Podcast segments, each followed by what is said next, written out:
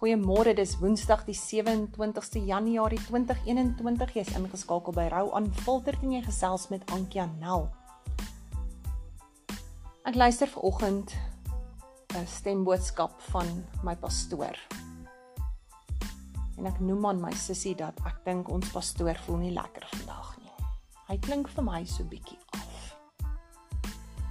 En sy sê vir my, weet jy, maar mens kry mos maar sulke dae. Ek sê nee mens doen nie. Hierdie mens doen nie. Hierdie mens is elke dag dieselfde. Ek staan op, ek gaan aan. Ek um, kry nie dae waar ek in die wet wil bly nie. Ek kry nie dae waar ek kombers oor my kop wil trek nie. En die volgende oomblik sak daar 'n opressie oor my neer.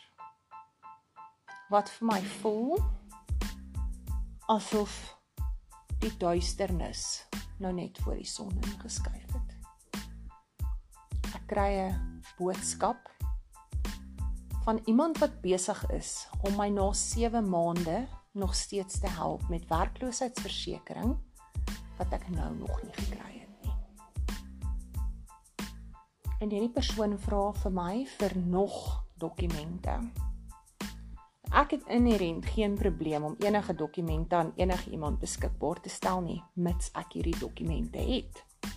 Maar my goeie liewe vorige werkgewer wat goedgunstiglik besluit het om my dienste met die verskoning van COVID te beëindig, het nie vir my hierdie dokumente gegee nie. Wat beteken weer eens vir alles wat hulle reeds in my lewe omver gewerp het, moet ek nou my knie gaan staan en vir hulle vra stuur asseblief die goed vir my. Nou as jy my ken, weet jy ek staan nie op my knie voor mense nie. Ek sê ding soos dit is en ek stuur toe nou vir hulle e-pos. In die oomblik terwyl hierdie donkerte hier om my hart wil kom nes maak, dink ek aan my en my sussie se stap gistermiddag. Gewapen elkeen met 'n stok, ek met 'n paar tekkies, hier gaan ons die bosse in wetende hier is daar 'n leeu's nie. Spot ek die heeltyd wat as hier 'n leeu uitspring? 'n stadium sê ek vaar terwyl ons so langs een van die lyndrade afstap en dis 'n elektriese wildsheining Sis as hier nou 'n leeu kom klim ek hierdie heining vir jou soos 'n klimraam. Maar 'n leeu gaan nie vir my vang nie Hierdie hele storieetjie van my rondom die leeu en die werkloosheidsversekering laat my toe vir my sussie net nou daar in die huis sê, weet jy wat? Ek besef net vandag weer dat dit die goeie mense is wat verdruk word. Dis die goeie mense wat swaar kry. In hierdie wêreld en dit is my eie woorde, het ek nou al gesien. Kyk maar net na ons vriende Dis die goeie mense wat swaar kry. Dis die goeie mense wat siek word. Dis nie die krummels en al die bose mense en die diewe en die moordenaars en die skelms en die korruptes nie. Dis die goeie mense. Ek sê maar op hierdie hoë noot, ek dink ek moet gaan wasgoed ophang terwyl ons nog syn. Ag, son skyn hoor nou vir my syn. Ja, julle ek moet syn ook hê, maar terwyl ons son skyn het, gaan ek wasgoed ophang. Nou onder die wasgoedlyn, ek dink regtig die Here het 'n baie goeie sin vir humor want hy praat altyd met my as ek wasgoed ophang of skorrelgoed was. Ehm, um, miskien weet as my hande besig is, my mond ook rustig, ehm, um, dan staan ek net en sing en ek sit toe nou terwyl ek onder die wasgoedlyn is, sit ek vir my I raise a hallelujah op en dit die musiek stig my maar in hierdie oomblik kom hierdie teksvers na my toe oor my bosstappery en die werkloosheidsversekering en die verdrukking. En ek lees vir julle uit 1 Petrus 5 1 Petrus 5 sê vanaf vers 8 Wees nugter en wees wakker. Julle vyand die duiwel loop rond soos 'n brullende leeu. Op soek na iemand om te verslind bly standvastig in die geloof en staan hom te. Kick and man up. En moenie vergeet nie, dwars deur die wêreld moet julle medegelowiges dieselfde soort lyding verduur. En ek staan daar en ek dink, maar dan sak ons reg. Dis die medegelowiges wat die lyding verduur. Maar net so min soos wat hier 'n leeu op hierdie plaas is waar ek bly, is Satan 'n leeu. Die woord sê hy loop rond soos 'n brullende leeu. Hy's 'n performer, 'n akter. Hy is nie 'n brullende leeu nie. Hy loop en soek na iemand om te verslind. En dit is presies wat ver oggend gebeur het. Die oomblik toe ek bevestig dat ek hierdie blymoedige gees het, dat ek elke oggend met 'n goeie hart wakker word, nie komberse oor my kop wil trek, myself nie jammer kry en wil onder 'n bos gaan sit en sê slaan asseblief van die brand, ou me ou my I wanna die nie. Toe kom hy vir my. En ek sit en dink, waar in die Bybel staan dit?